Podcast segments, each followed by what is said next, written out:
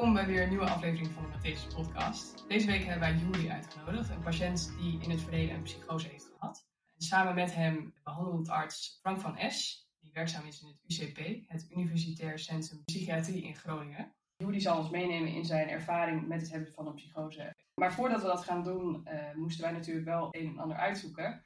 Want uh, wat is nou precies een psychose?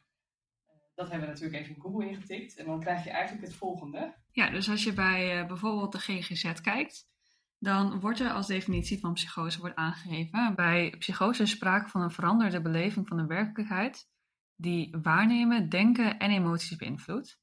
En bij psychose worden altijd verschillende symptomen beschreven. En ik denk dat de meest belichte symptomen wanen en hallucinaties zijn.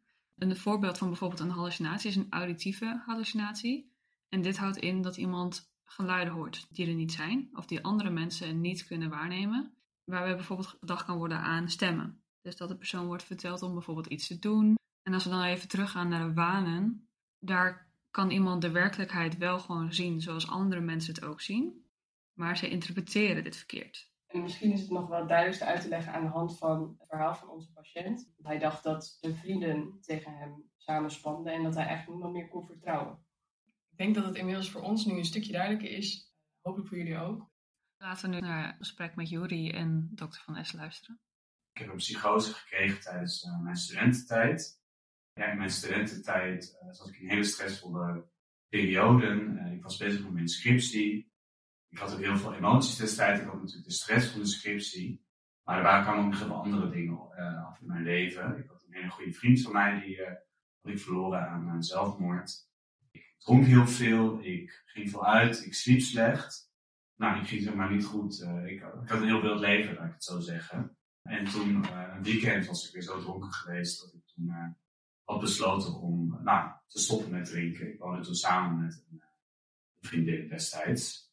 En ehm, ja, ik, toen, nou, na een weekend ben ik toen gestopt met drinken. Maar heel snel voelde ik me niet goed. Ik, ik nou, ik kreeg hartkloppingen, ik, ik, was aan het zweten. Ja, ik dacht eerst dat het gewoon had te maken met een soort afkikverschijnselen. Uh, dat ik dus gestopt was met alcohol. Maar toch op één avond, opeens kreeg ik echt wel uh, nou, de banen. Dus dat wat je krijgt aan het begin van een psychose. Dus ik had het gevoel dat ik dood ging. Ook het idee dat mijn vrienden mij probeerden te vergiftigen met, met alcohol bijvoorbeeld. En toen kwamen ook dus die heftige emoties dat ik mijn vriend was verloren aan, dat, dat hij ook deel van het complot was. Dus dat ze eerst hem hadden vermoord en gingen ze mij hanen. Gelukkig destijds nou, merkte ik wel dat dit niet uh, rationele gedachten waren, zeg maar. Dus ik heb toen wel destijds met mijn vriendin gezegd, die zag al hoe in paniek ik was. En ik was gekke dingen aan het doen, ik was alle alcohol in het huis, dus in de gootstenen aan het gieten. En die zei toen op een gegeven moment, nou gaat het wel. En toen zei ik, nou misschien moet je toch maar even 1 en 2 bellen, want uh, dit gaat niet helemaal goed.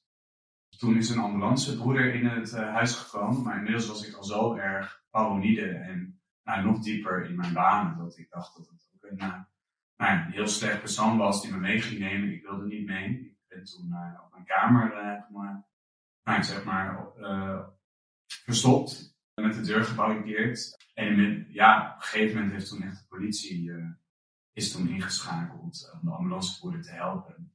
Inmiddels was ik zo paranoïde, ik, ik was echt in een soort extase. Ik, uh, ja, ik was helemaal niet meer van deze wereld. En die hebben mij toen ook uh, mij moeten overmeesteren en echt moeten platleggen. Ik heb ook, ja, in die worsteling is bijvoorbeeld ook de arm uit mijn kom uh, gegaan. En ja, toen ben ik dus, nou, een soort van gedrogeerd ben ik naar de eerste hulp gebracht. Nou, dan ben ik weer wakker. Het was een hele gekke gewaarwording. Dus ik ben zo wakker word met allemaal slangetjes in je. Want ik was geïncubeerd natuurlijk, omdat ik ook platgelegd was. Maar ook daar dachten ze eerst dat het een soort delirium was geweest. Dus dat ik, omdat ik gestopt was met alcohol, dat je heel erg, uh, nou dan kan je ook een soort, uh, dit soort banen krijgen. Mijn ouders waren er toen ook, die waren midden in de nacht gebeld door mijn vriendin van, nou die uh, ligt in het ziekenhuis. En ik heb op zich wel een goede band met mijn ouders en die waren er toen ook. Maar ja, ik ging toen ook helemaal tekeer tegen mijn ouders. Die gingen ook helemaal uitschelden en alles. En ook op de eerste hulp dachten ze toen snel, nou dit is toch niet goed, misschien moeten we nog wat langer even nou, bekijken hoe het met hem gaat. Toen ben ik dus op de open afdeling uh, geplaatst bij uh, nou, het centrum hier. Uh, maar ook snel ging ik daar hele gekke dingen doen. Ik ging kleding, kleding uitdoen. Ik ging vechten met iemand andere, een patiënt daar. Terwijl ik nog nooit echt in mijn leven echt uh, gevochten met een wildvreemde. Ja, en toen ben ik dus al snel ook echt in de gesloten afdeling terechtgekomen. En ook echt in de isoleer, zoals ze het noemen. In de separatie.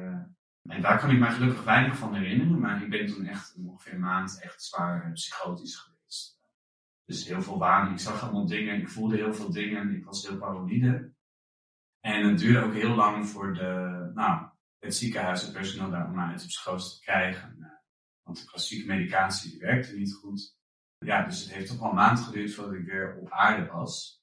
Nou, en, en gelukkig, waarschijnlijk dus omdat ik zo psychotisch was en door alle medicatie, kan ik me gelukkig weinig van herinneren. Dus de eerste herinnering die ik pas heb is ongeveer na een maand.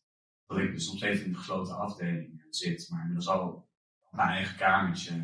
En mijn ouders komen op bezoek, of mijn vriendin komt af op bezoek. En nou, ik heb alle verpleegkundigen om me heen en mensen die vertellen wat er allemaal is gebeurd.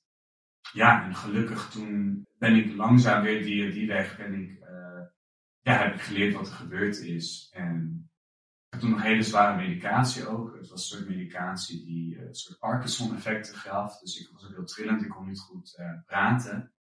Maar dan in loop van tijd loop je dan een heel traject. Dus je krijgt begeleiding. Je hebt bijvoorbeeld psychomotorische gedragstherapie. Dus dat je ook weer wat gaat bewegen met elkaar. Je gaat in, creatief zijn. En op die manier langzaam ging dus van een gesloten afdeling naar de open afdeling. Waar je weer meer vrijheden hebt. Ja, dan zo'n heel traject. Ik denk dat het ongeveer zes maanden was. Uh, waar ik steeds iedere week weer wat beter ging. En met heel veel hulp van uh, al het, personeel en de deskundigen daar. Ja, langzaam weer mijn leven heb opgepakt. Maar toch natuurlijk wel door de psychose heel. Uh, was mijn, ja, mijn leven wel op kop gestaan en is er wel veel veranderd in mijn leven. Maar goed, ik denk dat we er ook meer over gaan praten. Maar ik denk dat dat wel een goede uitleg is hoe ik dus ooit hier terecht ben gekomen. Ja, heel volledig verhaal en ook indrukwekkend wel. Ja, nou ja, het, wat ik al zeg, het is voor mij dus heel fijn dat ik weinig van herinner. Het is natuurlijk van mijn omgeving vooral ook heel naar geweest. Een vriendin die mij nou, heeft zien dat gewoon de politie mij heeft gewoon je moet plat spuiten, grof gezegd. En nou dat je dus iemand zo panisch en, en gek ziet. En, gewoon niet weet wat er met die persoon aan de hand is. En dat ook de vraag was, kom ik ooit uit de psychose? Of word ik ooit weer mijn, mijn oude zelf? Ja. De aanloop naar de psychose toe. Want je zei, je was je wel bewust dat het eigenlijk iets niet helemaal goed ging. Ja, ja. Hoe was dat dan? Um, hoe was het als dat, dat ik het al wist dat er niet iets... Ja, wat, wat voelde je dan? Ja, nou, het waren ook, zeg maar, iets nog in mij wist nog wel dat ik had gewoon heel erg paniek en nare gevoelens. En ik wist nog wel een soort dat, te beseffen dat het nog niet helemaal klopte. Maar toen al snel was ik diep in de psychose. En wat dus ook wel hielp, dat mijn familie had een geschiedenis ook van psychoses. Dus waardoor ik ook wel een beetje misschien het gevoel had van dit, misschien heb ik nu ook last van banen. En, ik had wel ja. het idee dat dat dan de signalen, dat je die iets eerder kon oppikken daardoor. Ja, ja, en ik had ook wel vaak, ik, ook in mijn middelbare schooltijd, had ik wel één keer een soort van moment gehad. Dat ik een soort, ja, toen destijds werd dan, daarna was een beetje overprikkeld. Dat ik ook gekke dingen dacht. Uh, maar goed, dat is toen nooit echt natuurlijk helemaal gezegd van, oh, dit was een soort psychose. Maar wel dat ik ook ervaring had. En dat bijvoorbeeld ook mijn huisarts ooit al had gezegd dat ik nooit drugs moest gaan doen. Of uh, hele gekke dingen, omdat ik dus wel aandacht had voor, nou ja, voor psychische klachten. En uiteindelijk ben ik dus al alcohol gaan drinken, wat ook natuurlijk een soort van middel is. Maar ja, dat besefte ik toen, toen niet. Nee. nee. En misschien dat u daar een beetje op kan toelichten hoe dat dan zit met erfelijkheid en psychose. Nou, even kijken, Jori. Wie van je familie uh, is belast met psychose? Ja, zowel mijn vader als mijn oom. Allebei. Mijn vader heeft dus ook om dezezelfde tijd als ik in studententijd gehad. Uh, volgens mij ook een keer uh, wiet had gerookt of iets dergelijks. En mijn oom, uh, ja, die heeft er echt nog wel regelmatig periodes in zijn levenslast van gehad. En is dat ja. een broer van je vader of van je moeder? van mijn vader ook. Ja. Dus dan ben je maar eenzijdig belast, zullen we maar zeggen. Ja. Alleen van vaders kant. ja. Dat, zo, zo moet je dat tellen. Okay. En dan is de kans op een psychose niet 1, maar 10 procent. Hm. En bij twee ouders 20. Oké. Okay. En dit soort adviezen die de huisarts dan geeft, dat zijn dan ook de standaardadviezen die worden gegeven? Ja, inderdaad. Met dat verschil dat je er ook bij moet zeggen dat de kans dat je geen psychose krijgt 90% is. Dat is logisch. Hè? Bij- In die, met die situatie. Dus je moet er ook voor zorgen dat je niet tegen iemand zegt: hè, Paul, pas jij maar op dat je geen psychose krijgt. Want je kan het leven natuurlijk niet, niet uitzetten. Het hoort bij het leven dat je ook nieuwe dingen gaat experimenteren, dat je je leven leidt. En ja, wat het nu met alcohol is gegaan, misschien een ander moment wel eh, door, door, door weer een andere factor. Dus je kan ook, moet ook oppassen dat je niet het signaal afgeeft van eh, je bent niet kwetsbaar en eh, ga maar in een, in een klooster of zo. Dat is niet het antwoord. Dus ik vind het altijd lastig. Beter is het inderdaad om te kijken van ja, hoe kan ik het aanzien komen? Hoe kan ik rekening houden bij kwetsbare momenten? Hè? Hoe kan ik die herkennen en wat voor maatregelen moet ik dan nemen? Ik geloof dat ik daar meer voor voel dan dat je iemand eh, een waarschuwing voor de rest van zijn leven geeft. Dat is mijn opinie daarover. Komt nog bij dat het ook weinig inside indruk maakt. Hè? Je, je merkt ook aan Julie zelf dat hij wel degelijk een wild leven is gaan leiden. Ook al heeft de huisarts anders geadviseerd. Dat is de regel. Hè? Dus je zal merken dat je als dokter voorzichtig moet zijn met ongevraagde adviezen geven. Hoe goed bedoeld ook. Mensen moeten er toch eerst een beetje tegenaan lopen voordat ze dat serieus nemen. Hè, Dus wacht het moment af dat je om advies wordt gevraagd voordat je iemand leefregels geeft. Omdat het anders juist tegendraads kan werken eigenlijk. Het helpt gewoon niet zo. Nee. Het heeft ook, het, ook niet tegen draad. Het heeft überhaupt geen effect. Nee. Ja. Nee. Mensen gaan toch wel hun eigen gang. Ik vraag me eigenlijk af, eh, wanneer werd voor het eerst aan jou verteld dat het een psychose was? Ja, waarschijnlijk hebben ze het soms al verteld natuurlijk. Eh, destijds had ik natuurlijk, ja, ze probeerden medicatie. Dus dat ze waarschijnlijk toen al uitlegden aan mij van, nou, je moet deze medicatie slikken, want je voelt je niet goed. Maar ja, in, in die periode was ik natuurlijk zo paranoïde op in banen dat ik dat waarschijnlijk toch niet geloofde of niet snapte. Dus echt pas toen ik nou, weer op aarde was geland door de juiste medicatie, toen nou, hebben ze wel echt een keer met mij gezeten. En ook met mijn ouders bijvoorbeeld, die hebben het eh, ook veel begeleiding gehad. En, en ook op momenten samen dan verteld wat er eigenlijk allemaal gebeurd was eh, in die tussentijd. Ja, Ja, dat echt achteraf werd verteld van oké, nou dit is er precies allemaal gebeurd. Eh, van wat je misschien zelf niet had kunnen herinneren. ja, ja precies. En dat, nou ja, dat, dus mijn ouders ook wel natuurlijk eh, weer hoorden wat ik dan had gedaan op dag. Die, de ouders en, en mijn naasten, dus ook mijn vriendin, die werden ook veel bij die hebben het dan ook verteld. Dus eh, ook wel dat heel veilig. Het werd niet opeens eh, gezegd van oh ja, ik ben, heb nu psychose en eh, dit is het allemaal. Ik kan me het wel herinneren dat het wel echt voorzichtig werd verteld. Wat vond je van dat gesprek? Ja, ook nogmaals moet ik toch toegeven dat het ook allemaal, ja, dit, ik kan niet echt een moment herinneren dat ik helemaal weer de oude was. Dus het is natuurlijk, je beseft al wel dat je bijvoorbeeld in een ruimte hebt gezeten, wat heel erg, nou, een isoleercel is. Dus dat je er waarschijnlijk niet zat omdat je niet gezond was. Ik had wel een beetje dat soort ideeën, maar, eh, dus ja, ik kan niet echt herinneren hoe, hoe het voelde om het echt te beseffen, omdat het allemaal zo stapgewijs is gegaan. En je zei ook dat je eigenlijk niet meer zo veel van die periode herinnert. Ja. Wat weet je daar nog wel van? Ja, van echt specifiek dat ik echt psychotisch eh, was. En dan nou, in de isoleer. ehm, ja, ik kan me dan hele vage momenten herinneren. Dus eh, ja, een, isoleer is. eh, ik ben er zelf ook niet meer geweest daarna. Maar ja, het is volgens mij gewoon een heel groot matras in het midden. Je hebt dan ook een knopje dat je kan communiceren met de mensen. Dus soms dan denk je, oh, ik wil weten wat aan de hand is. Dat kan ik bijvoorbeeld herinneren, dat ik heel vaak op het knopje drukte. En dan hoorde je het stem van, nou, wat is er? Wat is je vraag? Maar ehm, ja, ook heel vaak dat ik natuurlijk dan weer de, wilde dingen ging doen. Dus ik heb ook wel eens herinneringen dat personeel mij nou, even op de grond drukt om mij weer rustig te krijgen. Of ehm, ja, volgens mij heb je ook een soort van kartonnen toilet of iets dergelijks, wat ik me wel goed kan herinneren. Omdat je, ja, het is natuurlijk echt een isolatieruimte dat je ook jezelf niet pijn kan doen. Ja, dat soort dingen kan ik wel herinneren. Ja. Daar zijn we vanaf gestapt. Het Oh, het kartonnen toilet is er is tegenwoordig is er een nettoilet in, in, een, in, een, in een klein niche Oké. eh, buiten in, de, in die ruimte. Ja, oké. Nou, dat, dat is er dus niet meer, maar dat was in mijn tijd dan nog wel eh, Ja, dat het geval. Ja. Dus ja, dat soort vage dingen kun je wel herinneren. Maar ja, nogmaals, eh, dat zijn dan een beetje schimmen. En ook je, ja, soms denk je ook, was dit een eh, deel van een psychose of was dit echt? Ja. Ehm, en dan hoor je ook verhalen natuurlijk van personeel achteraf. Dat ik in een kast had geklommen of iets dergelijks. Ja, ik kan dat zelf niet herinneren, maar ik zal misschien wel. Ja, Mag ik daar iets over zeggen? Ja, hoor. Want je vraagt natuurlijk af, hoezo kan Jori dat zich niet herinneren? En dat past ook niet bij een psychose. Eh, dat heeft een andere oorzaak. Eh, wat voor medicijnen heb jij toen gekregen? Weet jij dat nog? Ja, dat weet ik Dat weet je ook niet, hè? Wat ik dus herinner, dat het, het was heel lastig om mij achter de psychose te krijgen. Dus ze hebben heel wat er tegen aangegooid. En ook uiteindelijk op de ouderwetse medicatie overgestapt, die ze die maar niet, volgens mij meer gebruiken. Nee, dat klopt. Ja, met dat verschil dat we dat regelmatig wel moeten doen. Mm. Hè, wat eh, medicijnen die behoorlijk suf maken. Ik denk aan benzodiazepines, hè, lorazepam, eh Traxene, injecties. eh, je kan van alles bij voorstellen. En juist die benzo's, die zijn bijzonder belastend voor het geheugen voor dat moment. Het is ook, wat ik wel vaker hoor, ook een, een zegen dat mensen daar dan eh, in die rottijd in ieder geval niet alle letterlijk kunnen herinneren. Het is toch vergelijkbaar met, een, met zoiets pijnlijks als een operatie, zal ik maar zeggen, waarvoor je ook mensen verdooft. Dus dat die vind ik op zich niet een, de ernstigste bijwerking, voor dat moment uiteraard. Maar gelukkig ben je daar helemaal vanaf. Ja, Dat heb Ja. je alleen in die periode gebruikt. En dat is dus de reden waarom het geheugen toen eh, minder goed werd. Ja, je sprak ook over bijwerkingen zoals Parkinson-achtige symptomen. ja, Over Ja, ik- welke medicatie spreken we dan?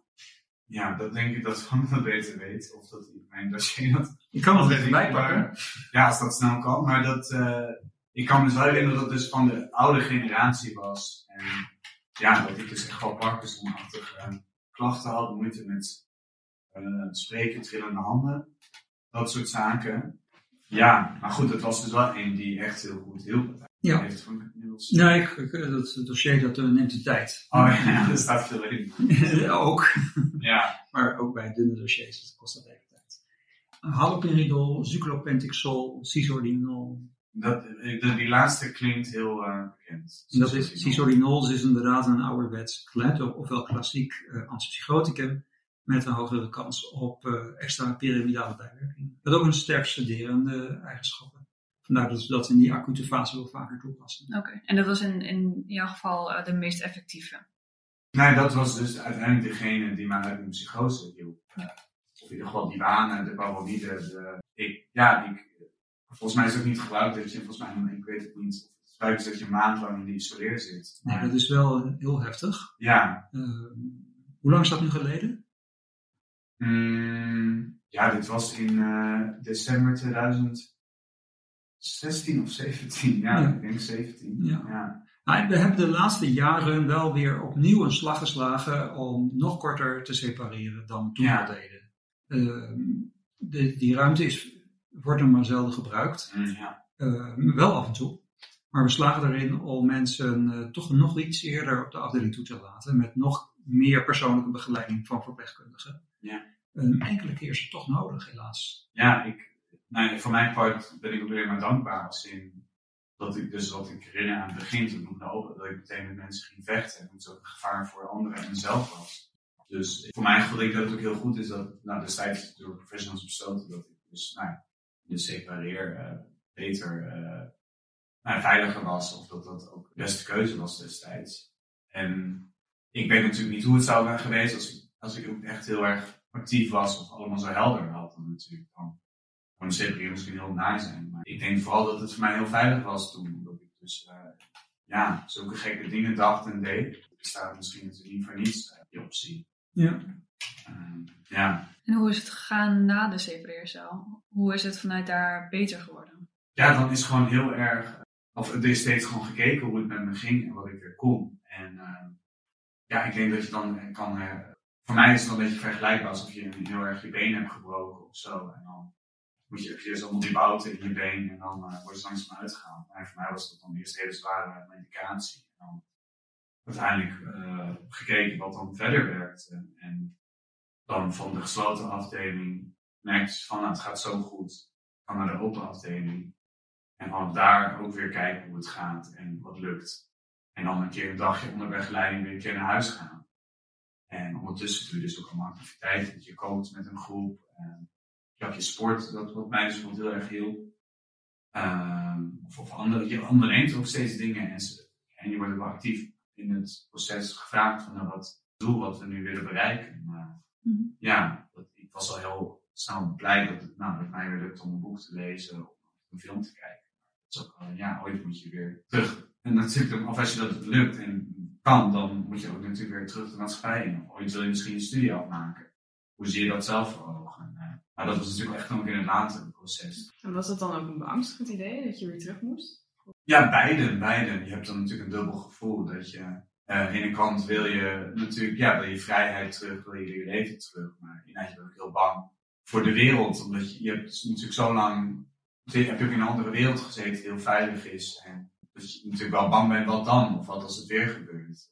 Ja, Denk je dat nu ook nog wel eens? nee, nee, nu, nu nauwelijks. Tot, tot, nee, dat het gewoon heel goed gaat nu, gelukkig. En hoe, hoe is dat voor andere patiënten? Is dat vaak zo, dat het dat, dat eigenlijk het normale traject is, wat Ju- jullie omschrijft? Ja, dit is wel redelijk standaard. Het duurt altijd langer dan je wil hè, om ook die laatste stukjes herstel eh, te bereiken, om het zelfvertrouwen weer terug te vinden. Het is heel belangrijk om die reden al vanaf de opname inderdaad eh, hè, trajectbegeleiding te bieden daarbij. Ook goede psychotherapie te bieden, gericht op zelfvertrouwen, zelfbeeld. eh, allerlei angsten, traumatisering in het verleden, ook, eh, ook, of traumatisering door de opname, om dat goed te bespreken. Je hebt een sociaal-psychiatrisch verpleegkundige, eh, ook al sindsdien, Ja. die eh, met je meedenkt daarover. Contact met de familie, die zich natuurlijk rotgeschrokken is. Hè, zeker als het in de familie ook al een bekende kwetsbaarheid is. Dan levert dat weer heel veel meer andere vragen op, die ook goede aandacht nodig hebben. Nou ja, zo, eh, zo zijn we even bezig.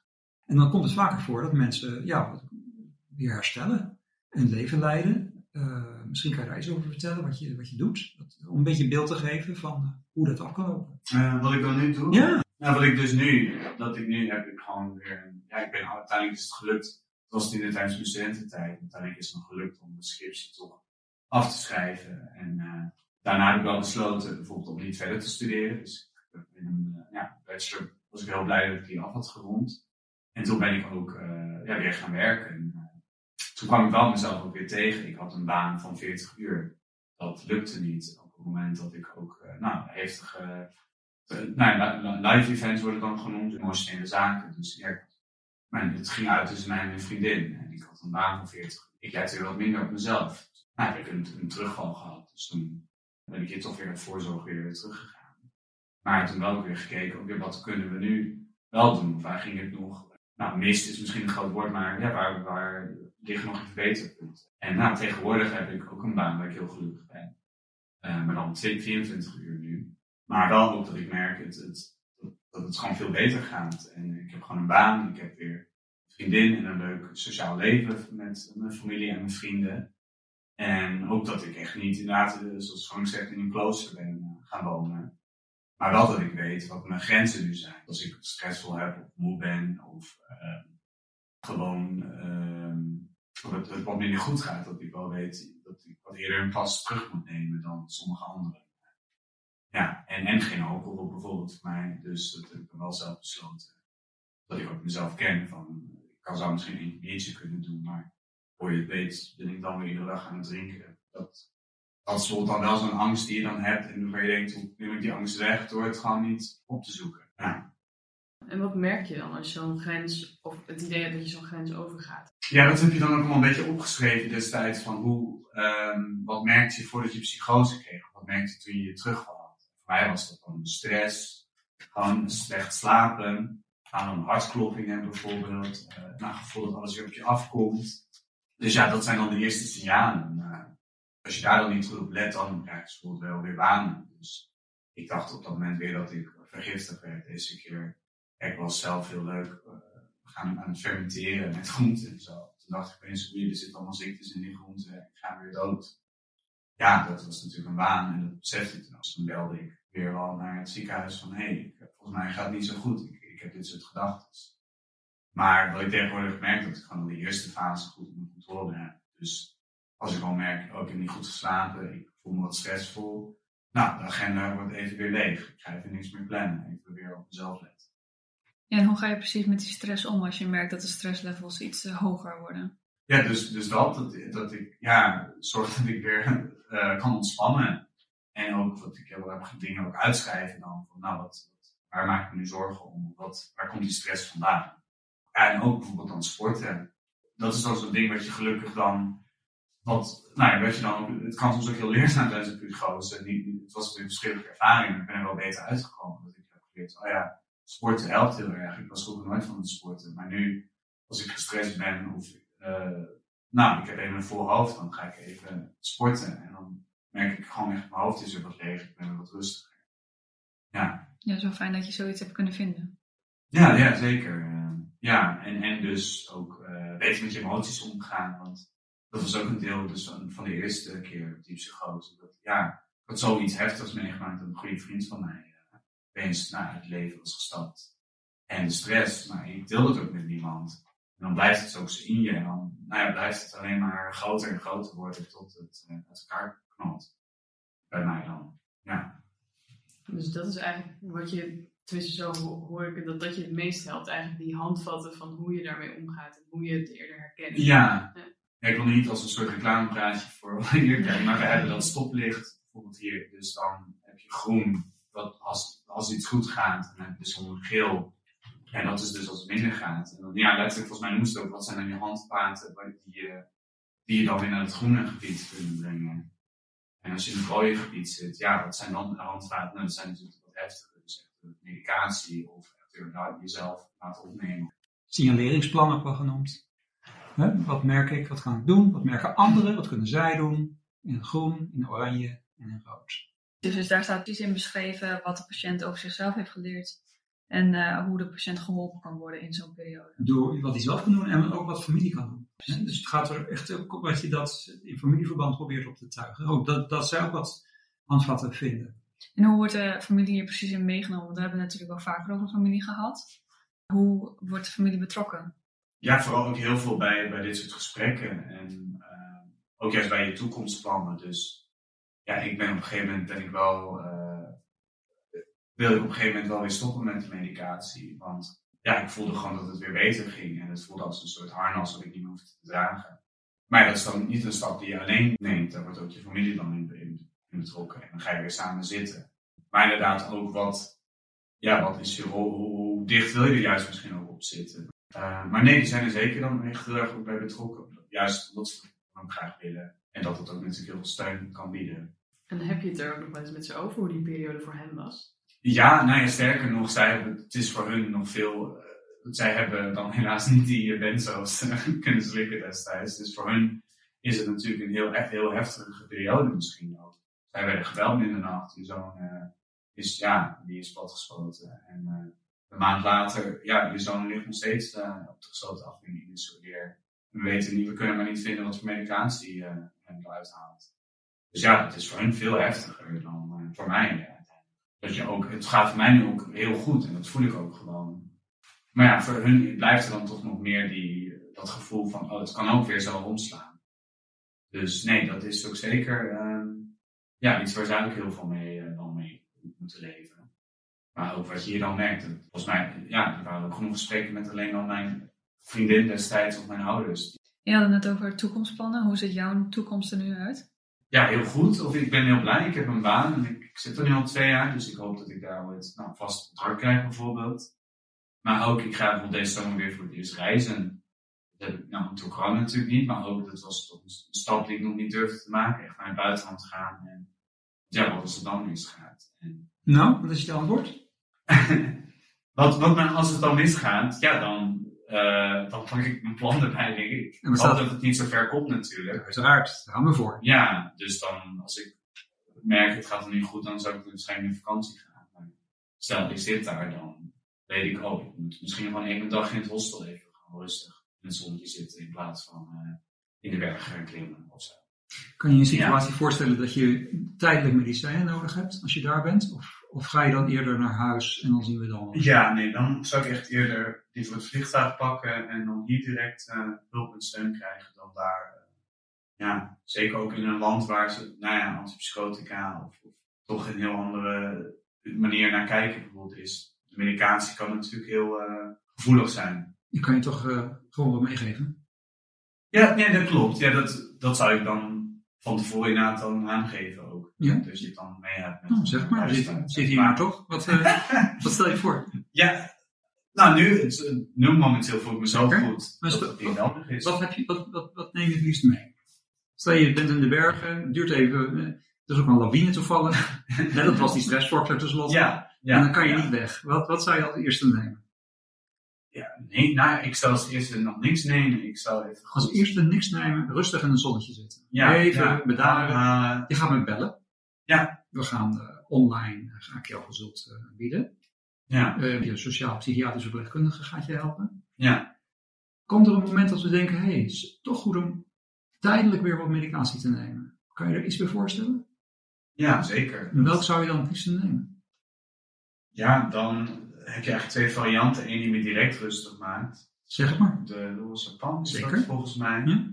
En ja, anders weer de, de clozapine die ik eerder slikte. Dan zou je, ja, want dat is het enige antipsychotica wat bij jou goed geholpen heeft. Ja, Dus dat is dan het eerste wat we gaan doen. ja. Doseringsschema in gedachten? Dat heb, hoop ik dat jullie dat hebben. Nou, Maar ja. ik, eh, volgens mij heb ik gewoon een hele lage dosis clozapine en dan lorazepam eh Hm. van 1 milligram. Klopt. Ja. Dus, eh, Ja. ja, dat zou dan hopelijk op een doktersrecept gemaild worden. En eh, Liever, In- ja. ja, in de apotheek op die bergen. dan misschien hebben ze daar liggen onder de hebben ze overal. Oké, nou. Ja, dat is- Zelfs over de hele wereld wordt het eh, voorgeschreven. Niet overal zo netjes als in Nederland, waar er ook bloedspiegelcontroles nodig waren, weet je nog? Ja, ja, witte bloedcellen. Precies. Maar dat in de meeste landen wel hoor. Oké, nou dat is goed om te weten. Dus dat komt goed. Ja, maar ik hoop dat het vaak niet zo komt. Nee, daar gaan we Voor. Je zegt ook van, nou met jullie gaat het dus nu supergoed. En dan hebben we dan ook van, wat zou er nou gebeuren als je wel, nou ja, toch iets meer eh, die kant op gaat. Maar hoe vaak komt dat nou voor? Van, Nou, 80% ongeveer. dat het toch weer... eh, Een vorm is van terugval. Eigenlijk hebben we die al gehad. Ja. Dus we hebben al een terugval gehad. Dus er is een reële kans op weer een keer een terugvalletje. Dus dat houden we gewoon op de agenda als iets wat kan gebeuren. Zijn ouders hebben gelijk als, eh, als ze zich zorgen maken. Maar ik ben er ook voor om hen gerust te stellen. Want Juri heeft gelijk. Als, als hij zegt, ja, maar ik weet het nu van tevoren. Ik krijg eerst die waanstemming. Hè? Het gevoel dat er iets vreemds aan de hand is waar je geen controle over hebt. Dan komt die stress erbij. Slecht slapen. En dan weet ik al, dat is de terugval. Ik ga dat niet verder afwachten. En Dus, dat is de andere kant. En dus het hoeft niet meer zo vreselijk uit de klauwen te lopen als de eerste keer. En is het dan ook eigenlijk dat het leven lang de begeleiding door blijft gaan? Ja, niet bij mij. Nou, uiteindelijk eh, bij de huisarts. Ook ja, je- iedereen die huisarts wordt, die eh, krijgt ook dit soort patiënten. En die krijgen met, een gebruiksaanwijzing en een signaleringsplan erbij. Waarin precies staat wat te doen in welk geval. En we leiden de patiënt eigenlijk zo op dat die de huisarts gaat vertellen wat hij moet doen. Dat is de begeleiding. Dus uiteindelijk word je je eigen coach. Hè? Als je eh, langer genoeg met een ziekte te maken hebt. Dat gaan jullie ook bij andere ziektes meemaken. Als je vraagt aan dokters, dan, dan, dan, zal je dat vooral horen. Dat ze dat proberen te bereiken. Dat mensen zelf weten waar ze moeten letten en wat ze moeten doen. Dat is de moderne geneeskunde. Dat inzicht krijgen. Dat inzicht, maar ook die vaardigheid om Ja. daar ook naar te leven. En dan niet iedereen hoeft daarvoor in, een, in dat spreekwoordelijke klooster. Wel als ze willen hoor, moeten ze helemaal zelf weten. Maar niet vanwege een ziekte. Nee. De bedoeling is dat je wel je leven leidt. En dan moet je ook wat afboeken aan veerkracht. Dat merk je ook in het verhaal. Dat niet meer gaat op dat topniveau wat, wat ooit in gedachten had. Wel zijn bachelor afgemaakt. Daarna rust, iets rustiger baan gepakt op allerlei manieren. En dat hoor je vaker. Maar ik hoor ook wel in de meeste gevallen dat mensen, ook al hebben ze een ernstige psychose doorgemaakt, dat ze na een jaar of vier, vijf dat evenwicht hebben teruggevonden en ook dat zelfgevoel terug hebben gevonden. Het is ontzettend gaaf om daarom bij te dragen. Op die manier. Met het hele team. Vindt u dat dan ook het mooiste, mooiste deel aan het werk als psychiater? Ja, dat is, je bent eh, in hoge mate een soort docent ook hè, voor, voor, voor patiënten en familieleden. Je bent een coach, je bent een soort reisgenoot in die zin. Eh, je, je, ja, je mag meekijken in, in iemands leven op het moment dat hij het meest kwetsbaar is. En het meest van zichzelf ja, wil laten zien, maar niet durft. Als iemand, dus het lukt om iemand die drempel over te, te, te, te krijgen, dat, er, dat dat toch lukt. En daardoor iemand vaardiger wordt. Ja, dat is erg mooi. Daarvoor ben ik ooit dokter geworden. En als psychiater kan je dat eh, heel mooi vormgeven. Omdat je de meest complexe problemen hebt. Je hebt eh, ook te maken met die, met die farmacologische puzzel. We hebben ooit al die clozapines uitgekomen. En je zag niet die hele lange lijst van, van medicijnen die langs zijn gekomen. Ja, dat, dat, dat puzzelen enerzijds en dat verbinding maken anderzijds, dat vind ik het mooiste. Ik eh, vraag me nog wel af of jullie nog iets positiefs hebt uitgehaald. Het is natuurlijk een hele nare ervaring geweest zoals je het omschreef. Maar heb je er ook Ehm, positieve dingen uitgehaald? Ja, maar het, het credo wat je dan toch een beetje hoort is rust bijna een regelmaat. En nou, als je dat nou, vijf jaar geleden tegen mij zou zeggen van, oh, je, je hebt nu een agenda en je gaat regelmatig sporten en uh, ja, je zorgt dat, uh, dat je niet uh, altijd alleen maar zit te feesten, want oh, dat klinkt heel saai en stom. Maar ja, dat heb ik hier toch wel geleerd. En ik merk eigenlijk dat ik nu gelukkiger ben dan hoe ik hiervoor was. Dus ja, dat je toch jezelf zo tegenkomt, maar ook dan leert hoe je er weer beter uitkomt ja, dus toch de wijze lessen die je ook hier uh, krijgt, die, daar ben ik toch wel dankbaar voor. Bedankt voor het luisteren naar deze aflevering. Deze podcast wordt mede mogelijk gemaakt door het Groninger Universiteitsfonds, het GUF, en daarnaast door Aquila Scientific Communications. Als je hulp nodig hebt bij het schrijven van een medisch of wetenschappelijk manuscript of medische tekst moet vertalen van het Nederlands naar het Engels of van het Engels naar het Nederlands, overweeg dan Aquila Scientific Communications. Mocht je hier interesse in hebben, dan kun je de website in de beschrijving vinden. En tot de volgende keer.